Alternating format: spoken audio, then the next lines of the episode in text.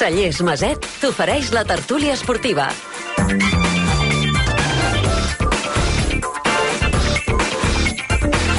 Hola, Màrius Carol, què tal? Bon dia i bona hora. Gran dia. Fa sol, fa, fa fred. Sí, fa fred. Fix, fixa't, si, fixa't si estic desconcertat, que no m'he agafat l'abric i quan he sortit de fora he pensat ara, ara què fas al mig del carrer? Doncs pues passar fred, ja està, i aquí estem. Fas una, mica, fas una mica de veu de Rockefeller de José Luis Moreno, eh? Bueno, perquè mm, fins i tot eh, jo quan Vas vaig, a ahir. quan vaig a l'estadi crido, però quan estic davant de... De la tele també. La tele també, i de moment la tele no ha respost. Ah, el que passa és que jo crec que algun dia la tele dirà vinga, ja ja n'hi ha prou, ja n'hi ha prou, home, ja ets un adult. Hola, Saperes, bon dia. Bon dia, Basté. Hola, Santi Segurola, què tal? Bon dia. Bon dia, Jordi, com Oh, estàs? molt bé. Hola, Joan Maria Pou, com estàs, Joan Maria? Hola, bon dia, Jordi.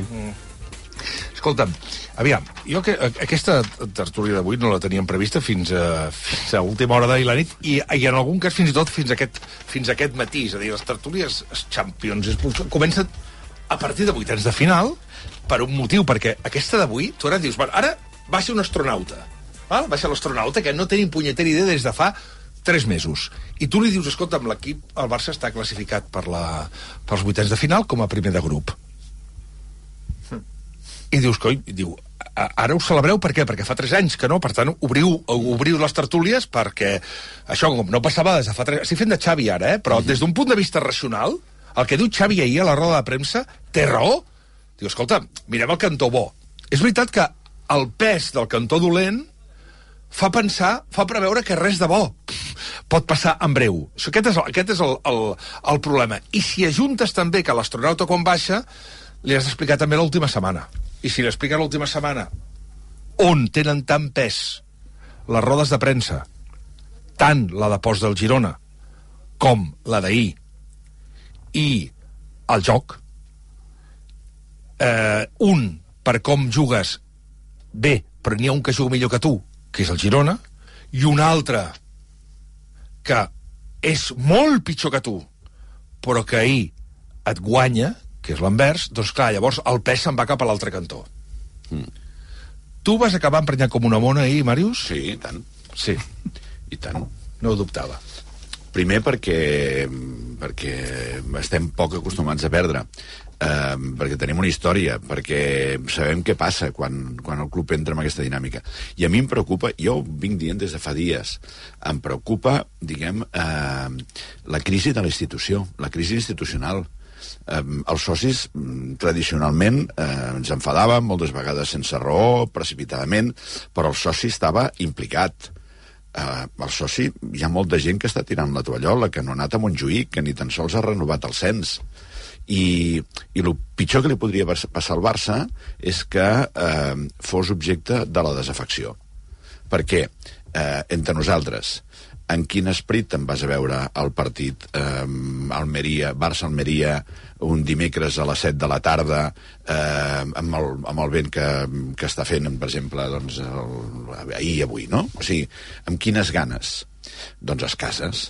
I això no havia passat mai, no havia passat mai. És veritat que les circumstàncies són especials, el Barça està en un moment crític, ha canviat de, de seu, però jo trobo que aquest moment, un moment com aquest, de que canvies de, de, de lloc de treball, diguem, de, de, que, el Barça, que el Barça es desplaça en un altre àmbit, en, una, en un lloc que no, no te'l sents teu, eh, en què, a més a més, tardaràs en tornar, en què has tingut de fer retallades, etc etc. Jo crec, jo esperaria, doncs, eh, i més tenint un president com en Laporta, que és un, que és un home, diguem, eh, emocionalment potent, més complicitat, més complicitat. Escolta, vas a Montjuïc, jo vaig veure el partit del, del Girona, doncs eh, a tocar, a tocar d'un córner, a tocar del córner. Vull dir, no, no, no passa res, eh? No passa res. Però, escolta, mm, hi havia gent molt ben col·locada que no era socis del Barça. Mm, Van pa paguen extra i no sé què. O sigui que els necessiten més amb ells que nosaltres. Mm. Jo crec, jo crec que eh, està faltant en el barcelonisme, diguem, més reflexió. Sigui, més complicitat, més complicitat amb l'aficionat. És a dir, que tinguis la sensació que no hi ha un, el projecte, un projecte personal de Joan Laporta, sinó que hi ha una estructura que pot aguantar qualsevol crisi. I no hi és, no hi és. Manen tres persones. Manen tres persones avui en, en el Barça. Una d'elles ni tan sols és soci, o sigui que... Qui és? No ho sé. Bueno, això sí, sí que ho deu ser, no ho sé. Bueno, és igual. Eh, irre, irre, irrelevant. Vale. Segurola. Bueno, yo creo que está el Barça se encuentra ahora mismo en un eh, en un proceso, yo diría casi de inmunológico, es decir, tiene está tan hipersensible, tan delicado que le faltan reservas, que le falta eh, potencia para defenderse de mm, situaciones por las que pasan muchos equipos, pero que en el Barça pueden pasar de resfriado a neumonía en cualquier momento. Y esto me parece que es lo que está ocurriendo ahora. Dicho esto, creo que hay tres o cuatro cosas que son ciertas. Una, el, equipo no está bien desde el principio de temporada y está mal ahora, muy mal ahora. Dos, creo que eh, esto de lo que hablaba Marius, de una cierta distancia que es física con Montjuic, puede convertirse en una distancia, yo diría, casi emocional con respecto al club, que también es importante. En tercer lugar, creo que mm, yo hablaría menos ahora de los problemas institucionales, que los tiene desde hace mucho tiempo el Barça, que de problemas concretos y el pro- problemas concretos futbolísticos. Ayer el Barça era un equipo que estaba noqueado. Me recordó al, al Barça de Anfield, al Barça que, eh, que concedió aquel famoso córner que fue un delirio y que concedió ayer un tercer gol que no tenía por dónde cogerlo. Un gol que rara vez lo ves en, en el fútbol, pero lo ves en la, y, y en la Copa Europa prácticamente nunca. Y ahí entra Xavi también. Yo creo que eh, en estos momentos un entrenador, cualquier entrenador, está mm, tiene una posición dentro de, de- su cargo que excede a la de dirigir a un equipo. Yo creo que el entrenador de hoy, mucho más en clubes como el Barça, tiene que confrontarse con la prensa casi diariamente. Es decir, esta semana hemos visto a Xavi el, el sábado, el lunes, el martes y ayer hablando. Es decir, en, en Amberes y en Barcelona, antes y después de los partidos. Y yo creo que eh, en toda esta posición de, de, lo- de los entrenadores y de, Ya- Xavi concretamente y más de un entrenador del Barça, eh, eres un poco o eres muy portavoz del club, eres muy portavoz del equipo, eres portavoz de ti mismo y además entrenas al equipo en las conferencias de prensa. Es decir, esta es una labor que antes no ocurría. Yo recuerdo que Chic- eh, Chingurri, Chingurri Valver- Valverde durante el proceso tuvo, tuvo tres años terroríficos. Tenía, aquello sí que cuando Xavi habla de, de la presión que siente el equipo, imaginad lo que era el año 2017, 2018 y 2019, con todos los problemas futbolísticos, el conflicto Messi con la directiva, el conflicto Luis Suárez con la directiva y todo eso, más preguntas políticas, situaciones políticas y eh, el entrenador muchas veces tenía que ser casi el portavoz institucional. Esto es algo que eh, Xavi no lo ha hecho bien. Yo creo que Xavi en este aspecto le ha faltado cintura, le falta dialéctica, creo que eh, da oportunidades, es ingenuo yo diría, y esto en un club como el Barça pasa factura. Es decir, lo que ha ocurrido esta semana después del partido con el Girona, en el que Xavi olvidó hacer los deberes con respecto, por lo menos en mi opinión, ¿eh? con respecto a, al viaje, a la, a la lista de convocados para el partido con el, con el, con el Royal Amberes, me pareció de una ingenuidad brutal porque es evidente que a la gente no le gustaba y al club menos que, que no fueran tres o cuatro vacas sagradas, no le gusta y, no, y no creo que tengan razón los que digan que la injerencia de la porta eh, no, tiene, no tiene sentido. Yo creo que eh, en este aspecto y muchas veces se pone eh, la figura de Cruyff como referente, es decir, Cruyff no habría permitido que la porta, que el presidente de turno, no. Cruyff no habría cometido el error infantil, ingenuo, de no convocar después de una derrota como la del Girona a las cuatro o cinco vacas sagradas del club. Todo lo contrario, les hubiera llevado del cuello y en primera fila en el avión.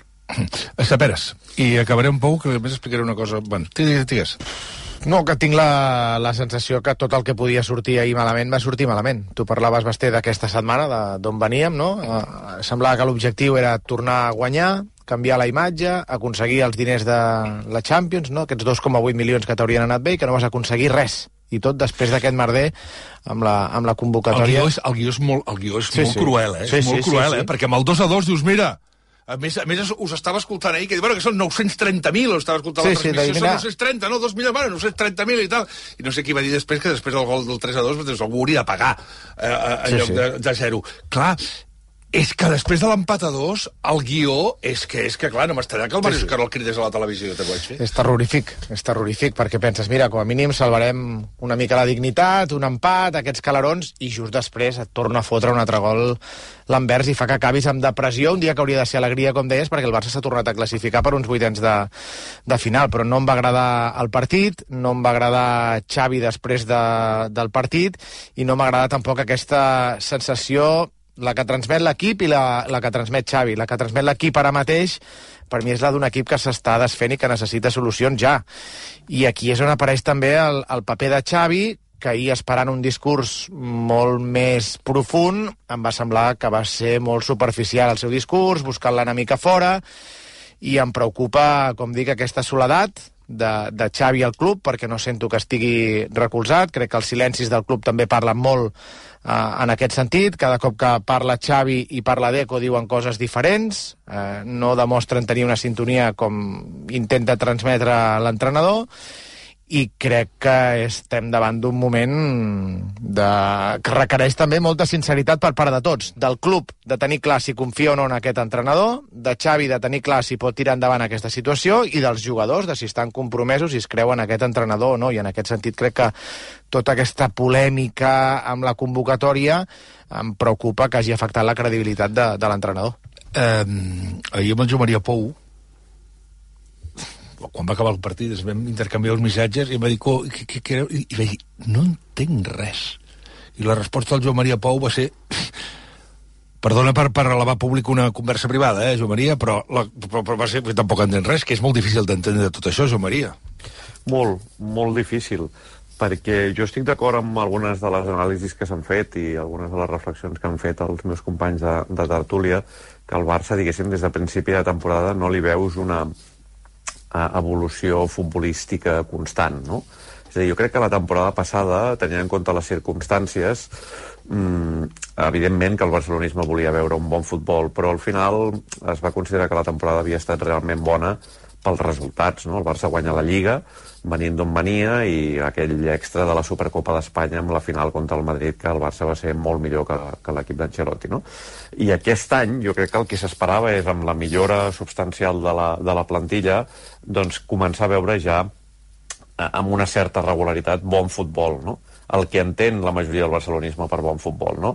Que una, un Barça entrenat per Xavi, un dels millors migcampistes de la història del Barça, doncs anés evolucionant i es convertís en un equip absolutament reconeixible en la línia que, que, que es vol el barcelonisme des de l'arribada de, del Cruyff entrenador, no? Jo crec que ja ens entenem tots el que, el que vull dir. I, I no està passant això. S'ha vist en moments eh, d'alguns partits. Els 20 minuts d'aquell partit, aquella primera hora de no sé què, aquella mitja hora aquell dia, aquell... però no... Si féssim, diguéssim, el, la gràfica de la corba d'aquesta evolució futbolística, veuríem que, que no s'està millorant com segurament s'esperava, no?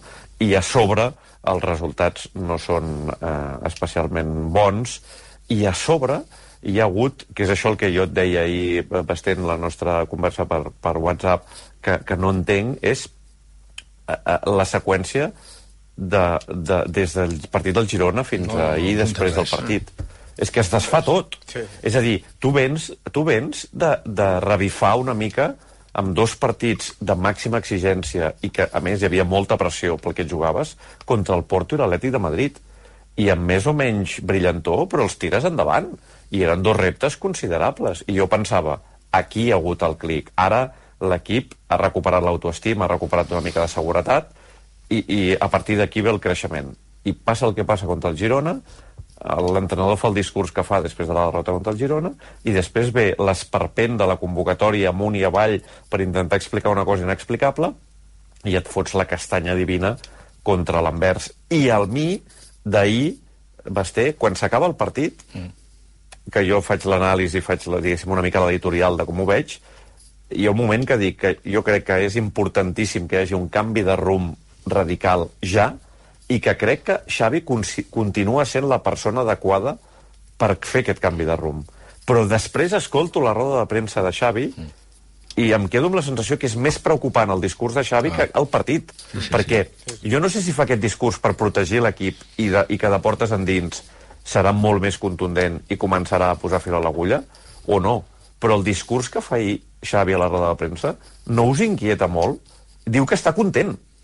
Clar, eh, és a dir, tu t'imagines vestir el Xavi jugador amb aquell nivell d'exigència que tenia, amb la importància que li donava el joc per guanyar les coses, que el Barça perdi contra l'Anvers i digui que està content perquè l'equip ha quedat primer de grup després de 3 anys, ahir és un dia per estar content? Ahir és un dia per treure importància al que passa al camp? Jo crec que no. I mi, no, no, no, però és que, però, eh, repeteixo, el, vist en perspectiva, jo escolto la roda de premsa de Xavi i crec que la roda de premsa de Xavi, a mi m'agrada molt menys el que diu Xavi després, la roda del, del dia abans del partit contra l'Anvers, o sigui, la, la, la segona lectura que fa en fred del partit del Girona, o sigui, aquell, aquell document llarg que hi ha, que, que, que, i el d'ahir no m'agrada perquè jo crec que és molt desendreçat. Jo crec que este és molt desendreçat. O sigui, el, el discurs d'ahir no el té clar. No. no el té clar. A la primera dir, resposta carregar, ja aboca moltes coses ja a la moltes primera. coses que no les acabes d'entendre. Ell diu que sí, que, bueno, que l'equip individualment no està bé, però com que l'equip està classificat, bueno, pues que no pot, no, no pot dir que l'equip no està bé individualment perquè no els hi vol dir a la cara, perquè és que, clar, com que l'equip està classificat, i que llavors tots hem d'anar a remar a favor perquè l'equip està classificat, que és una obvietat. Però el problema és que has perdut contra un equip que ha guanyat es que Yo, es que, Seguro la digas. Si me, Si me permite, yo creo que mm, la comunicación es importante en todos los aspectos de la vida y en el profesional extraordinariamente importante.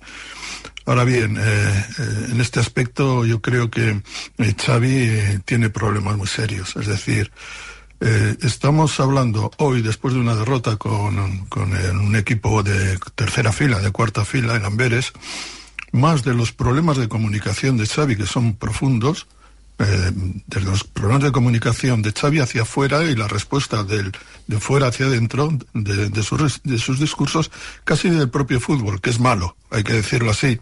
En parte, además, es malo porque se mide contra la promesa de Xavi de que este equipo iba a tener, iba a jugar bien, lo iba a hacer de tal manera, iba a ser, iba a recordar al, al, Barça que todos, eh, todos esperamos y eso no ocurre. Pero dicho esto, me, me da la sensación de dos o tres cosas lo que dice Xavi hacia afuera acaba volviendo como un boomerang hacia adentro porque no está bien presentado, no está bien articulado. Ha abierto demasiados flancos en el capítulo público. Y, yo sigo, mantengo que el entrenador del Barça, cuando aparece una conferencia de prensa, también entrena al equipo, porque lo que dice allí se escucha afuera, pero sobre todo se escucha dentro, en los despachos del Barça y en, la, en el vestuario del Barça. Y por eso, en, desde ese punto de vista, digamos, la lista, yo creo que de errores, y siento decirlo, porque Xavi, estamos, no estamos hablando de un cualquiera, estamos hablando de Xavi, eh, pues estamos ante un entrenador que en general no admite que el equipo está mal, que es lo que todo el mundo ve, no admite que el equipo va peor, que es lo que todo el mundo ve, y lo sí vemos que es un, un hombre que habla de un equipo en transición, se queja de la hierba, se queja por jugar de día y no de noche, eh, habla de la presión externa que sufren los jugadores y lo mucho que lo sufren, eh, coloca el baremo de juego a un nivel altísimo y ahora que no llega eh, no es capaz de decir por qué no se llega. Tengo que decir también que hay algunas cosas que tienen que ver con lo estrictamente deportivo que mmm, producen sospechas. Algunas de, por ejemplo, de los cambios y de, la, de lo que ocurrió el otro día en el partido con el Girona, son más que, más que discutibles. Pero en cualquier caso, y también creo que algunos de los fichajes que, pues, a mí me da la impresión de que en el barcelonismo y en la prensa de Barcelona han tardado en reconocerse como malos fichajes, al principio y durante un año fueron muy preservados y se decía, pues ya vuelve este jugador, no así es que tenía un problemita, pero ya, ya... no, hay jugadores que el Barça ficha ya ficha caros que, que por las razones que sean, porque no eran tan buenos como se decía, porque son más caros de lo que deberían ser y porque no funcionan, pues no funcionan en el equipo. Y uno de ellos es Cundé, y hay algunos más. Entonces, este tipo de cosas ocurren y Xavi es incapaz de dar una respuesta pública que no afecte al interior del, del vestuario. Carol, jo, jo crec que d'un any a un altre eh, la soledat del Xavi s'ha fet més evident. És a dir, ell tenia una complicitat molt alta amb el, amb el Jordi Cruyff, tenia una molt bona relació amb, amb Mateu. Mateu Alemany, i de cop i volta aquests dos personatges desapareixen. I apareix la figura de Deco. I jo diria que la relació Deco-Xavi mm, no és precisament bona. mm? Mm, I eh, fins i tot m'atreviria a dir que Deco s'imagina un altre entrenador, un altre tipus d'entrenador pel Barça. Eh, això, això és palès. O sigui, ahir, ja us explicaré un, un- una cosa que mm, em diu una persona molt propera a mi, eh? que és que quan agafen els, els jugadors l'avió eh, cap, a, cap a Anvers, i, bueno, cap a Brussel·les devia ser, i després eh, se'n van a Anvers, doncs al moment d'agafar l'avió eh, Atenció, això que explicarà el Màrius, ara, eh? Deco Deco està trucant a De Jong mm? i, i i li fot una bronca, tant és així com aquesta persona, et dic, molt propera a mi, mm, en fi, mm, posa l'orella i escolta la conversa. I l'altre li diu, és que estic malalt. Mm?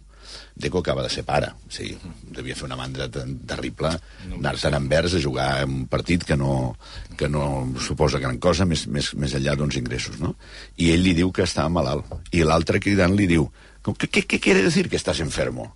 El, que ha dit, ja, ja el médico te ha certificado que estàs enfermo. L'altre diu, home, tinc febre i tal, no sé què. Bueno, hi ha una discussió, que és que eh, Deco no es creu que mm, De Jong està malalt i pensa que és una excusa per no, no, per no, estar, per no estar present a la convocatòria. Eh, això ho ha de fer Deco, això? No sé si ho ha de fer Deco. Mm? O sigui, qui gestiona el vestidor? Al final tens una mica la sensació, mm, quan jo deia que, que són molt poques persones les que, les que gestionen aquest club, és que hi ha una part de responsabilitats del propi entrenador que li han invadit i, i, i com que Xavi entre les virtuts que té, és que és molt bon Jan, doncs segurament s'ha deixat, deixat eh, invair una part del seu territori. I això també ho fa més difícil. O sigui, jo crec que és, és veritat que el Xavi no acaba de donar-li a la tecla, però, però ja em passen coses que mm, no haurien de passar. No, o sigui, estan, el, el, en aquests moments estem veient coses que com a espectador no entens, però mm, no vol dir que se li hagi oblidat el manual d'instruccions amb el Xavi Casa Seva, sinó perquè jo crec que la gestió d'aquest club és... eh, No hi ha cap altre club al món eh, d'aquestes dimensions que estigui portada per tan poca gent que tingui capacitat de decidir. Uh, digues, uh, Sí, no, anava a dir que jo crec que hi ha dubtes dins i dubtes fora. Hi ha mm, el meu dubte dins eh, sobre Xavi, jo estic amb el Pou, que crec que ara mateix la, no crec que sigui la solució prescindir de Xavi, crec que després del que que és evident que Xavi va aconseguir una evolució i millorar l'equip que va agafar i fins i tot guanyar aquesta lliga, però crec que s'ha estancat en la situació actual i, com ell va dir en un moment, crec que ha arribat el moment de, de l'entrenador, però els dubtes que em genera de portes en fora és una mica el que deia el Santi, no? Ha parlat eh, Xavi en els últims dies per justificar aquesta llarga sèrie de, de, de mals partits del Barça, de la premsa, de que l'equip tenia moltes lesions, de que era un equip en construcció... És a dir, ha anat parlant de moltes coses cap en fora i no de coses futbolístiques. Llavors no sé si realment Xavi ho està dient per protegir l'equip o si realment té detectat quin és el problema que té el Barça, perquè no acabem de veure una continuïtat en el bon joc. Quan hi ha un bon dia i aixeca, aixeca una mica el cap a l'equip, pum, ve un calbot com el de com el d'ahir. Aquest és el dubte que em genera escoltant el discurs de Xavi, el que em preocupa també escoltant-lo ahir, perquè no li veig una profunditat en el seu discurs. I com deia ara també el, el, el Màrius, també hi ha dubtes a, a fora de quin és el grau de, de confiança de la directiva, del president, de Deco, en Xavi. Eh, sabem el que li va costar a la porta creure en, en Xavi perquè era una aposta de, de Víctor Font, al final hi va acabar creient, ho ha hagut de sanificar diferents vegades, també Deco ha hagut de parlar, però crec que quan has de eh, parlar i explicitar tant que tens una bona relació, potser és que la relació no, no és tan bona, i crec que el club també ha de ser honest, perquè tinc la sensació que ara mateix l'està deixant sol, i està deixant que Xavi vagi morint sol, perquè si realment tu te'l creus, tu surts a, ahir, per exemple, que el president és molt donat a fer-ho, enviar un missatge de tranquil·litat i de que creus en l'equip, i de moment aquest silenci parla molt. Mira, ara des- d'aquests moments parlem dels silencis. Perquè hi ha un altre cas que és, és bestial de silenci. Però abans, vols dir alguna cosa, Joan Maria Pou? Sí, vull dir que, que al final eh, tot això només eh, se soluciona, ja sé que és molt evident, però és així, que és que és tornant a jugar a futbol eh, mínimament bé. És a dir, al final podem parlar de la comunicació, podem parlar del desgavell de les convocatòries, evidentment que sí, podem parlar de tot això, però al final la pregunta que ens hem de fer és per què eh, l'equip és incapaç de defensar? Ja no demano com l'any passat, eh, que era increïble la, la quantitat de partits que el Barça no encaixava cap gol. Per què el Barça no és capaç de pressionar bé? Per què el Barça, quan ha de sortir des del darrere amb la pilota controlada davant d'una pressió alta, no ho fa com ho ha de fer? Per què la distància entre línies a la que avança el partit és inassumible? Per què eh, qualsevol equip amb cara i ulls, amb vers inclòs, és capaç de fer-te mal en transicions eh, defensa-atac rapidíssimes? Eh, per què tants i tants jugadors estan per sota del seu nivell? Ara parlo individualment. Eh, per què l'altre dia hi ha una sèrie de jugadors que no estan al nivell competitiu que requereix un duel contra el Girona? Eh, al final, això va d'aquest tipus de coses, no? i penses, hosti, un entrenador que tota la vida ha defensat que el Barça s'ha de guanyar, però que s'ha de guanyar d'una determinada manera, doncs jo crec que se li, ha de, se li han de fer aquestes preguntes, no? i ha d'intentar explicar per què tot això no només no està funcionant, sinó que alguns aspectes del joc el Barça està pitjor que la temporada passada. No? Mm. Són les 9 i 36 minuts. Un moment, eh? us, us demano res. Uns, uns moments que continuarem parlant un moment més de futbol i després aviam si doncs no miris amb aquesta cara. Hola, de Planell, què tal? Bon dia. Bon dia. És que vull, vull fer una trucada al Turull. Aviam si em deixa fer una trucada al Turull. Vull parlar amb el Jordi Turull avui perquè li he dit a la nit que fa un moment que hi haurà un cara a cara amb Pedro Sánchez i Carles Puigdemont. Carai, que és una de les notícies del dia sense cap mena de dubte. Coi, que, que ho vull explicar també aquí aquí al món rac i d'aquí uns moments parlarem també de la d'aquest problema de migratori que hi ha en aquests moments, de, de, de, concretament a la zona de, a la zona del Maresme, i també, com avui publica el diari Segre, a Guissona, eh, i parlarem també amb els alcaldes perquè, perquè serà important poder-ho fer aquest, eh, aquest matí. I d'aquí uns moments a la tertúlia amb el David Fernández, amb la Neus Tomàs, amb, amb Pere Mas i amb la Conxi Barai, el dia que avui parlarem, atenció, dels 30 anys de... També si, si te'n recordes tu que no entens ni punyetera de música, com continua la cançó? Ja m'enganxaràs, perquè vale, només vale. la tornada. Vale, eh, Macarena. Ah, molt bé. El món a RAC1 amb Jordi Basté. 17 minuts i les 10. Hola. Bon dia. Hola, Anar fent. Mm.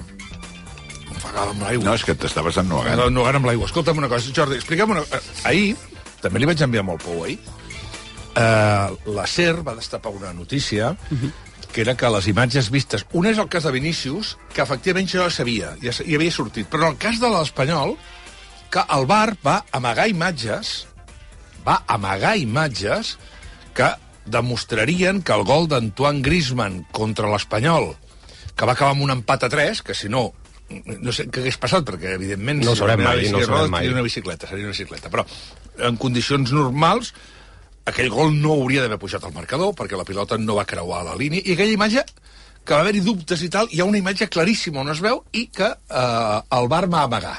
Exacte. El que diu el jutge exactament és que es va ometre una imatge o més d'una imatge que eren determinants per prendre una decisió en relació a aquell gol. Com va anar allò? L'Atlètic de Madrid estava guanyant 0-1 a Cornellà al Prat i eh, Griezmann xuta, mm, la pilota no queda clar si ha entrat o no ha entrat, però l'àrbitre, el de damunt de la gespa, no fa constar el gol no, no, no indica que la pilota, per tant, hagi entrat. Però al cap de mig minut aproximadament, des de la sala bar l'avisen i li diuen ep, que la pilota ha entrat. I es basen exclusivament en un pla de l'Spider-Cam, que és aquesta càmera que, que sobrevola el terreny de joc, que no era un pla zenital, que és l'únic que et permet determinar si efectivament la pilota ha creuat o no ha creuat la línia de gol, mm. sinó que és un pla que eh, està capturat perquè ens entenguem des de la mitja lluna aproximadament de l'àrea. I, per tant, en aquella posició, la perspectiva et pot enganyar. La pilota pot no haver entrat i que tu des d'aquella posició et sembli que sí que és dins de la porteria.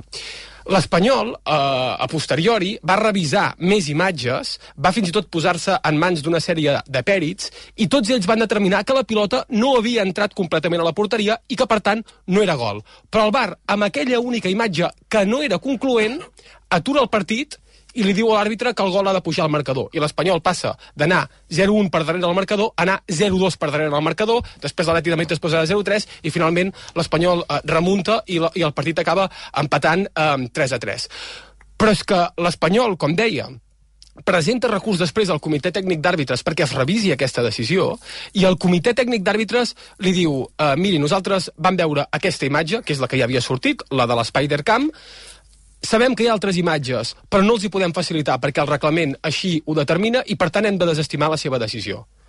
És a dir, justifiquen una decisió que pot haver costat com a mínim dos punts a l'Espanyol i el conseqüent descens en base a una imatge que ells mateixos reconeixen que no és determinant. No té cap mena de sentit. I aquella mateixa jornada, i això és molt important, el comitè tècnic d'àrbitres sí que va revisar una altra decisió del VAR, que era l'expulsió de Vinícius a Mestalla.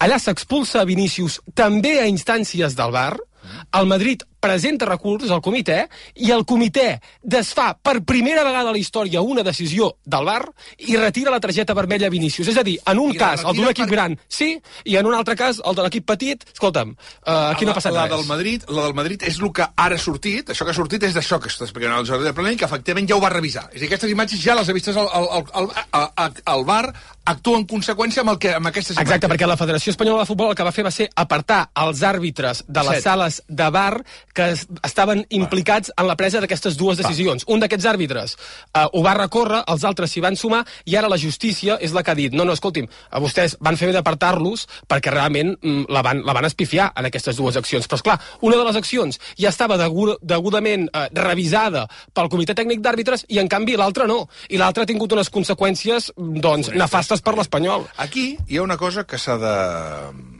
Per què hem portat també el de Planell aquí? No només per explicar-nos això, sinó perquè ara, no sé qui, per- crec que era el Roger Saperes que deia, parlava de la comunicació.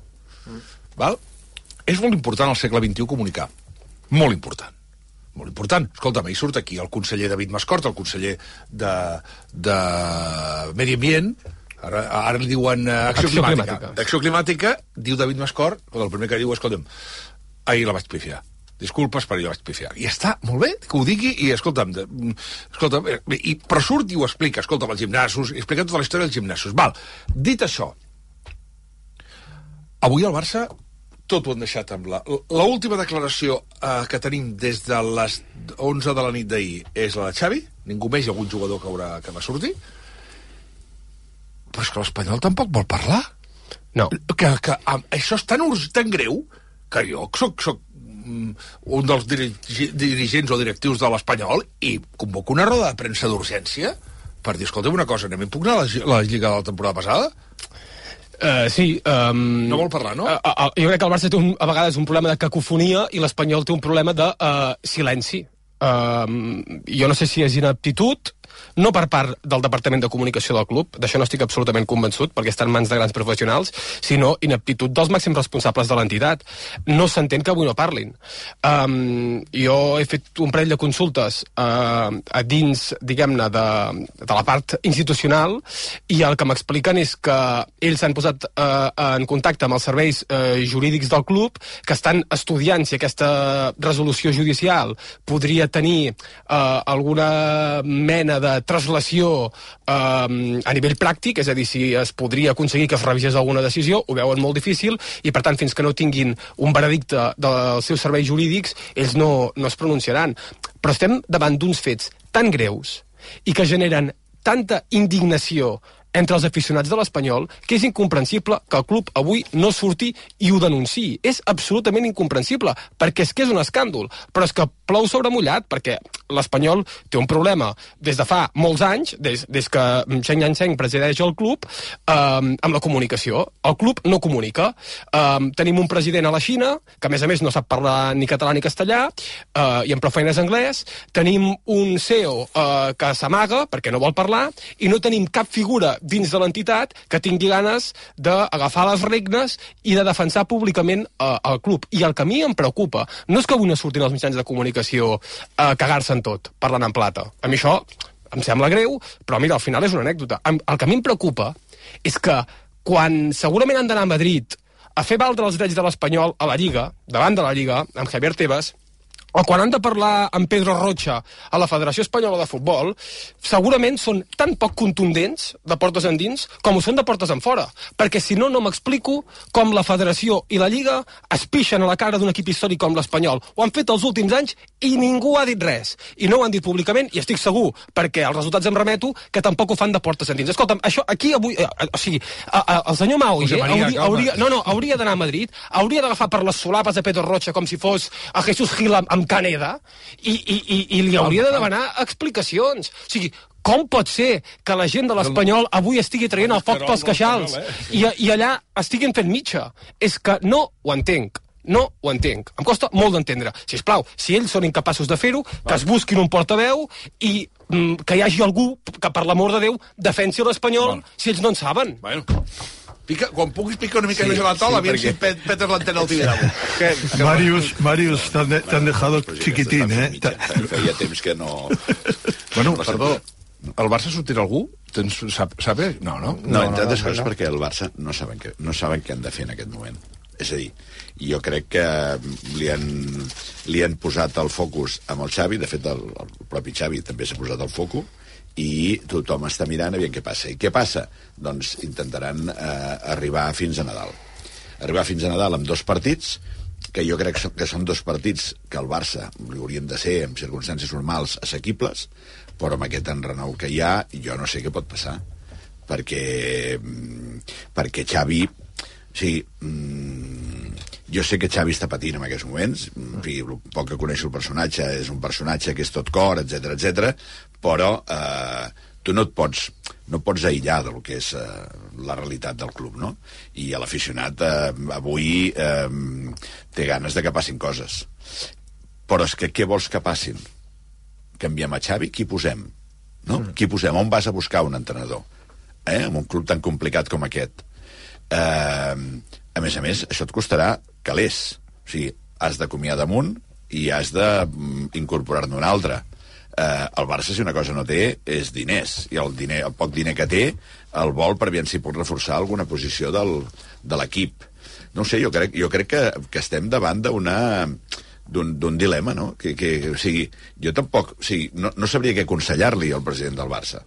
El que, sí que, el que sí que li diria és que en aquests moments, en aquests moments hauria de fer un esforç per estar molt a prop de l'afició, eh, donar la cara, estar al costat de l'entrenador, si creus, si creus. Perquè el problema que estem tenint és que a vegades fa uns elogis que eh, són sobretot no una manera, diguem, d'animar-lo, sinó una manera de, de qüestionar-lo. O sigui, mm, quan a tu t'estan dient no, no, si ho fas molt bé, no, i si ho fas molt bé, ens van donant copets l'esquena i tu saps que no ho estàs, estàs fent en el, especialment bé, doncs eh, tenim un problema. Són 7 minuts i les 10, hi ha una persona que... Um, no sé si voldrà parlar del Barça.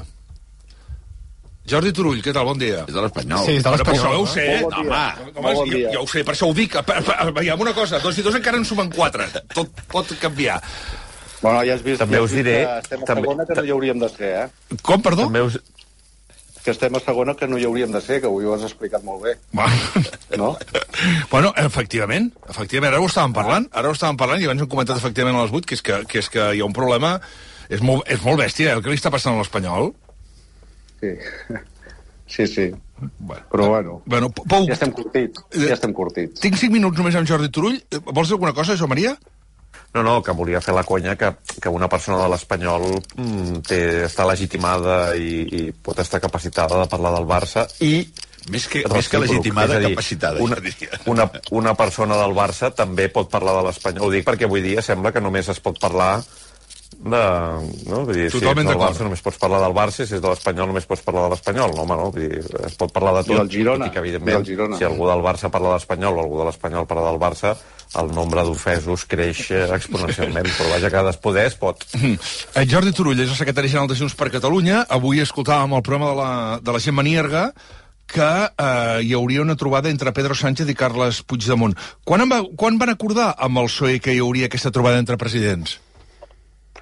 Doncs ja fa temps, ja fa temps, eh, jo diria que deu fer un, gairebé un mes, de dir, escolta, s'ha de fer aquesta trobada, és lògic, tots, eh, tant uns com els altres, ho veiem claríssimament, i és molt lògic, perquè amb el mecanisme de, de mediació, verificació que ens hem fet i que hem començat, era lògic que les dues persones que han liderat a fer aquest pas doncs es veiessin, eh, tinguessin una trobada tranquil·la, una trobada com cal, i no pas allò de vegades el morbo de si es fan una foto, no es fan una foto, estem aquí per resoldre un conflicte polític i és el més lògic i normal que les dues persones que lideren les dues eh, formacions eh, polítiques doncs eh, es vegin, no? Hi ha data? No, estan mirant les agendes, etc. Hagués pogut estar, hagués pogut estar aquest, eh, cap de, aquest dia que han estat al Parlament d'Estrasburg, però l'agenda del, del president Sánchez, que després havia de marxar de seguida, em sembla que era d'això a Brussel·les, per la seva condició de president de la Unió, doncs eh, no va fer cobrir. El que no, vam, no, va, no va ser possible, el que no volíem era això, fer un paripé de foto, no, perquè el tema és profund, i el que s'ha de fer és una reunió això com cal, tranquil·la, i que puguin parlar. Mm. Però això serà més d'hora que tard? És a dir, aba, uh, calculeu que serà abans de final d'any, al començament del, no del primer puc, trimestre? Jordi, no t'ho puc, no puc dir perquè ara estan mirant, estan mirant les, les, les agendes, aquests dies n'hem tornat a parlar quan es va veure que, que Estrasburg no podia ser, vull dir que a les vegades les coses són més senzilles del que són, és a dir, es va complicar l'agenda la, la, del, del, del president Sánchez, el president, i, i, i per tant eh, estan buscant doncs, la data i el lloc, que evidentment el lloc ha de ser fora de l'estat espanyol. Evidentment. I, i, I hauria de ser a Brussel·les o no caldria? A nosaltres l'important és que es vegin, vull dir, aprofitant agendes eh, que tinguin els uns als altres, doncs que siguin el lloc que sigui més, eh, més oportú, que ho, faci, que ho faci possible, és a dir, el, el lloc eh, en funció del que coincideixi l'un i l'altre, que el president Puigdemont té molts plens a Estrasburg, eh, però també sempre està a Bèlgica, però es pot desplaçar, es pot desplaçar a molts llocs, curiosament, on no es pot desplaçar és a l'estat espanyol, i per tant eh, ara això ja són altres persones que se ne cuiden de lligar-ho, que en aquest cas no sóc, eh, no sóc jo, però el compromís hi és i les ganes de fer-ho i quan abans sigui possible també. Ells dos i prou? Sí, sí, ells dos, ells dos, sí, sí. Va ser una conversa, allò com cal, tranquil·la, com l'havien tingut abans del, de l'octubre del 2017. Són dues persones que, per tant, no es comencen a conèixer, sinó que ja havien parlat del tema de Catalunya i l'Estat abans de, abans de l'octubre del 17. Ells dos n'han parlat ja telefònicament o no? No, no, no, no. No, eh? no hi ha hagut conversa telefònica. No, no, no, no hi ha hagut. De moment el govern d'Espanya diu que no en sap res i que no hi ha res fixat. Ho deia Pilar Alegría aquest matí a Telecinco. Escolti. No, no me consta que esta cuestión esté en agenda. Eh, es lo que les puedo trasladar en, en estos momentos escuchando la, la información que daban. Amb 7 segons eh, diu això, clar, quan una persona diu en 7 segons no me consta, no, no, no està agendada, vol estar dient dues coses. Primer, que no li consta, i una altra que no li consta, però en canvi diu que sí que hi ha una agenda que no està posada, amb la qual cosa mm. jo crec que estava fent malabars en aquests moments. Bé, no ho sé, tampoc, tampoc la culpo amb ella, perquè és a dir, que jo, que jo digués això avui no és una cosa que el PSOE no sapigués que jo diria avui. Vull dir, jo, jo, jo ho he dit perquè n'hem parlat, vam parlar justament del o sigui, sabia el, PSOE, de... sabia el PSOE que avui ho diria? Uh, ho sabia, sí, sí, home, sí. Uh, sí nosaltres aquí no, jo, jo no he fet un anunci per dir, uh, davant d'una pregunta, per dir uh, tiro de la moto i ja està, i no, home, perquè les coses es fan d'aquesta manera, i per tant jo he dit, jo vaig a un mitjà de comunicació, hi havia molta expectació si ho havia trobat o no, uh, diré això, eh? I diu, sí, sí, ho pots dir, ja està, perquè és el que hem quedat, és que és el que hem quedat, i per tant, quan has quedat amb una cosa, la, la, pots, uh, la pots dir. Va, tinc dues preguntes per acabar i en quedo Ara, un minut... eh, insisteixo, la portaveu com que això ha sigut conversa d'aquest matí, saps que el programa de la Gemma que també és molt aviat, mm. és, uh, no, no, no ho imputo a una, a una mala fe de la persona, sinó que senzillament potser no, no estava... En qui, ho, en qui ho ha pactat Jordi Turull de dir-ho això avui? No, jo vull dir tant en Santos, dic, escolta, i això, i, i ho diré, diu, sí, sí, cap problema. Ah, Santos Cerdà, estem parlant que és la persona que ha portat també les negociacions entre, entre el PSOE i Junts per Catalunya. Una, una, un, re, estem a punt d'arribar a les 10 i és l'horari límit, però res, dues preguntes. Una, a Calella, tots els alcaldes de Junts han fet pinya per reclamar al govern d'Espanya que faci fora de l'Estat els nous vinguts que són delinqüents reincidents. No sé si vostè, com a secretari general del partit, era coneixedor d'aquesta situació i si se'ls ha donat suport des del partit, aquests alcaldes. Sí, nosaltres d'aquesta situació en som coneixedors. Eh, en Marc Buch, que és una excel·lent persona i un excel·lent alcalde, ha fet una, una crida des de la desesperació. Crec que també ho va fer a través del vostre, del vostre programa. Sí. Eh, eh, jo crec que qualsevol alcalde de, de, de Catalunya que tingui 11 persones que han estat 200 i escaig vegades allò eh, detingudes i que no paren de... i que ningú t'ajuda i que ho intentes, doncs fas una crida a la desesperada. Escolti, aquest és un país acollidor, aquest és un país de drets i de deures. Escolti, a Calella hi ha prop de 3.000 persones que són d'origen de fora de, de l'Estat i, escolti, estem parlant de 11 persones que és que no paren, ha demanat suport perquè hi hagi més Mossos, ara el conseller ha dit que potser n'hi enviarà més, i nosaltres què hem fet? I nosaltres hem parlat a nivell de tots els representants que tenim a les cambres, que és concentrar-nos en un problema que s'està trobant molt, que és el tema de la eh, reincidència, la multireincidència, i aquí vol dir que falla el sistema. Eh, I, per tant, això vol dir reformes del Codi Penal, reformes de la, de la, de la llei d'enjudiciament criminal, més recursos també en els jutjats que han de portar això, perquè, clar, eh, tu et detenen avui, et deixen anar, i, i el judici potser no és fins d'aquí dos anys o d'aquí tres anys, i mentrestant, i cada vegada i cada vegada, no? Però vostè és, uh, és partidari d'expulsar els immigrants reincidents, senyor Turull? Jo soc, jo, soc partid, jo soc partidari de que la gent que fa la seva opció de que Catalunya sigui el seu país eh, eh, s'aculli a tots els drets que, com a qualsevol ciutadà d'aquí té, ni més ni menys, els mateixos, però a tots els deures. I les condicions han de ser aquestes, drets i deures. I escolti, i jo no vull situar-ho aquí, fer una aigua barreja amb el tema de la, amb el tema de l'immigració, perquè el comunicat també dels alcaldes del Maresme parlen explícitament del problema aquest de la multireincidència, i el que, el que ha d'haver-hi és això, drets i deures. I, escolti, si algú fa el, el pas de venir a Catalunya doncs, eh, que sigui el seu país, aquí hi ha drets i aquí hi ha, hi ha deures. I, per tant, ha de ser en tots, ha de ser en tots els termes. Uh -huh. I, I, escolti, li anava a dir, escolti, a Calella, això, a Calella hi ha més de 3.000 persones d'origen de fora de, de, fora de, de l'Estat i, es, i, i el problema és amb aquestes 11 persones i aquest, i aquest alcalde, que insisteixo, és una excel·lent persona, és una persona molt ferma, molt maca, eh, ho, ha, ho ha dit per activa, per passiva, ara i fa aquesta crida a la desesperada. Escolti, però jo crec que no és només l'alcalde de Calella. Parlem qualsevol alcalde de qualsevol força política que si té 11 persones allà que li, diguem-ne que reincideixen 200 vegades, és que, és que la pressió que tens dels veïns per trobar solució és, és brutal. Jo, jo l'entenc perfectament l'alcalde de, de Calella i nosaltres el que hem fet és justament en comptes de recrear-nos en el problema, concentrar-nos en les solucions i en aquest sentit doncs, estem preparant tot d'iniciatives, assessorant-nos doncs, amb, amb gent del món jurídic doncs, perquè ens hi ajudi molt per això, per fer les reformes que facin falta en el Codi Penal i, en el, i a la llei d'enjudiciament eh, criminal. També li haig de dir, perquè miri, jo eh, la, la vida m'ha portat a conviure amb persones d'aquestes multireincidents, eh? eh, que, que et detenen un dia i l'endemà et deixen anar. Però llavors el temps que es passen a la, a la Garjola són... perquè els judicis acaben arribant. El problema és que arriben molt tard i això l'alcalde no li soluciona per res el problema, no? Eh, ara sí que acabo, eh? eh el que passa és que Ara entenc una cosa, és a dir, si, si deia com abans que estava escoltant aquest matí el programa, haurà, haurà escoltat el que passa, està passant, que avui publica el diari Segre, també a Guissona, que han demanat ajuda per acollir les persones nouvingudes, no per fer-les fora, però com que sí. amb el tema del senegalès... No, no, no, eh, no, ho deia per un motiu, perquè, clar, és, deu ser per circumstàncies com aquestes que explica avui el Segre que explicàvem aquest matí aquí a rac que, el, com vam explicar també aquí, que el, el president Puigdemont va demanar competències Exacte. en immigració per Catalunya a canvi d'investir Pedro Sánchez. Clar, clar, clar, és que nosaltres d'aquest tema en parlem, perquè fixi's, si nosaltres no podem incidir eh, al govern de Catalunya, en aquest cas, eh, en el tema dels fluxes eh, migratoris, dius, home, com és que Catalunya no podem decidir res sobre el tema d'immigració, no tenim la gestió dels recursos com caldria, eh, i en canvi hi ha una desproporció increïble entre el flux migratori que hi ha a Catalunya amb altres llocs de la resta d'estat i llavors t'acaben tractant a tots igual i això no pot ser. I escolti, Catalunya eh, tenim models d'èxit com per exemple el model de Vic mateix en què hi ha moltíssimes persones eh, d'immigració que no hi ha cap problema de, de convivència més enllà dels que pot haver-hi en qualsevol municipi de qualsevol persona i no precisament pel seu uh, origen estigmatitzat, uh, i per tant nosaltres reclamem això. És veritat que el fenomen de, de les migracions, escolti, Catalunya és un país que ve molt acostumat. Ara nosaltres, des de Junts per Catalunya, diem, escolti, drets i deures.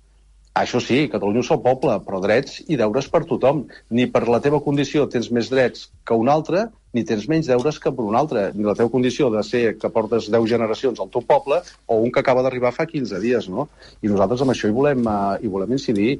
Jo, en en, en en Marbuc, igual que en en Jaume Ars, l'alcalde de, l'alcalde de Guisona, que també és una excel·lent eh, persona, i Guisona és, és, jo crec que és un dels exemples, perquè gairebé el 50% Sí, sí. del municipi és, és uh, Immigració. persones que han vingut de- d'immigració, eh? I, escolti, a, a Guisona, si s'ha posat al mapa, és per moltes coses uh, positives i, per tant, entenc perfectament això, uh, la crida que fan aquests alcaldes, no?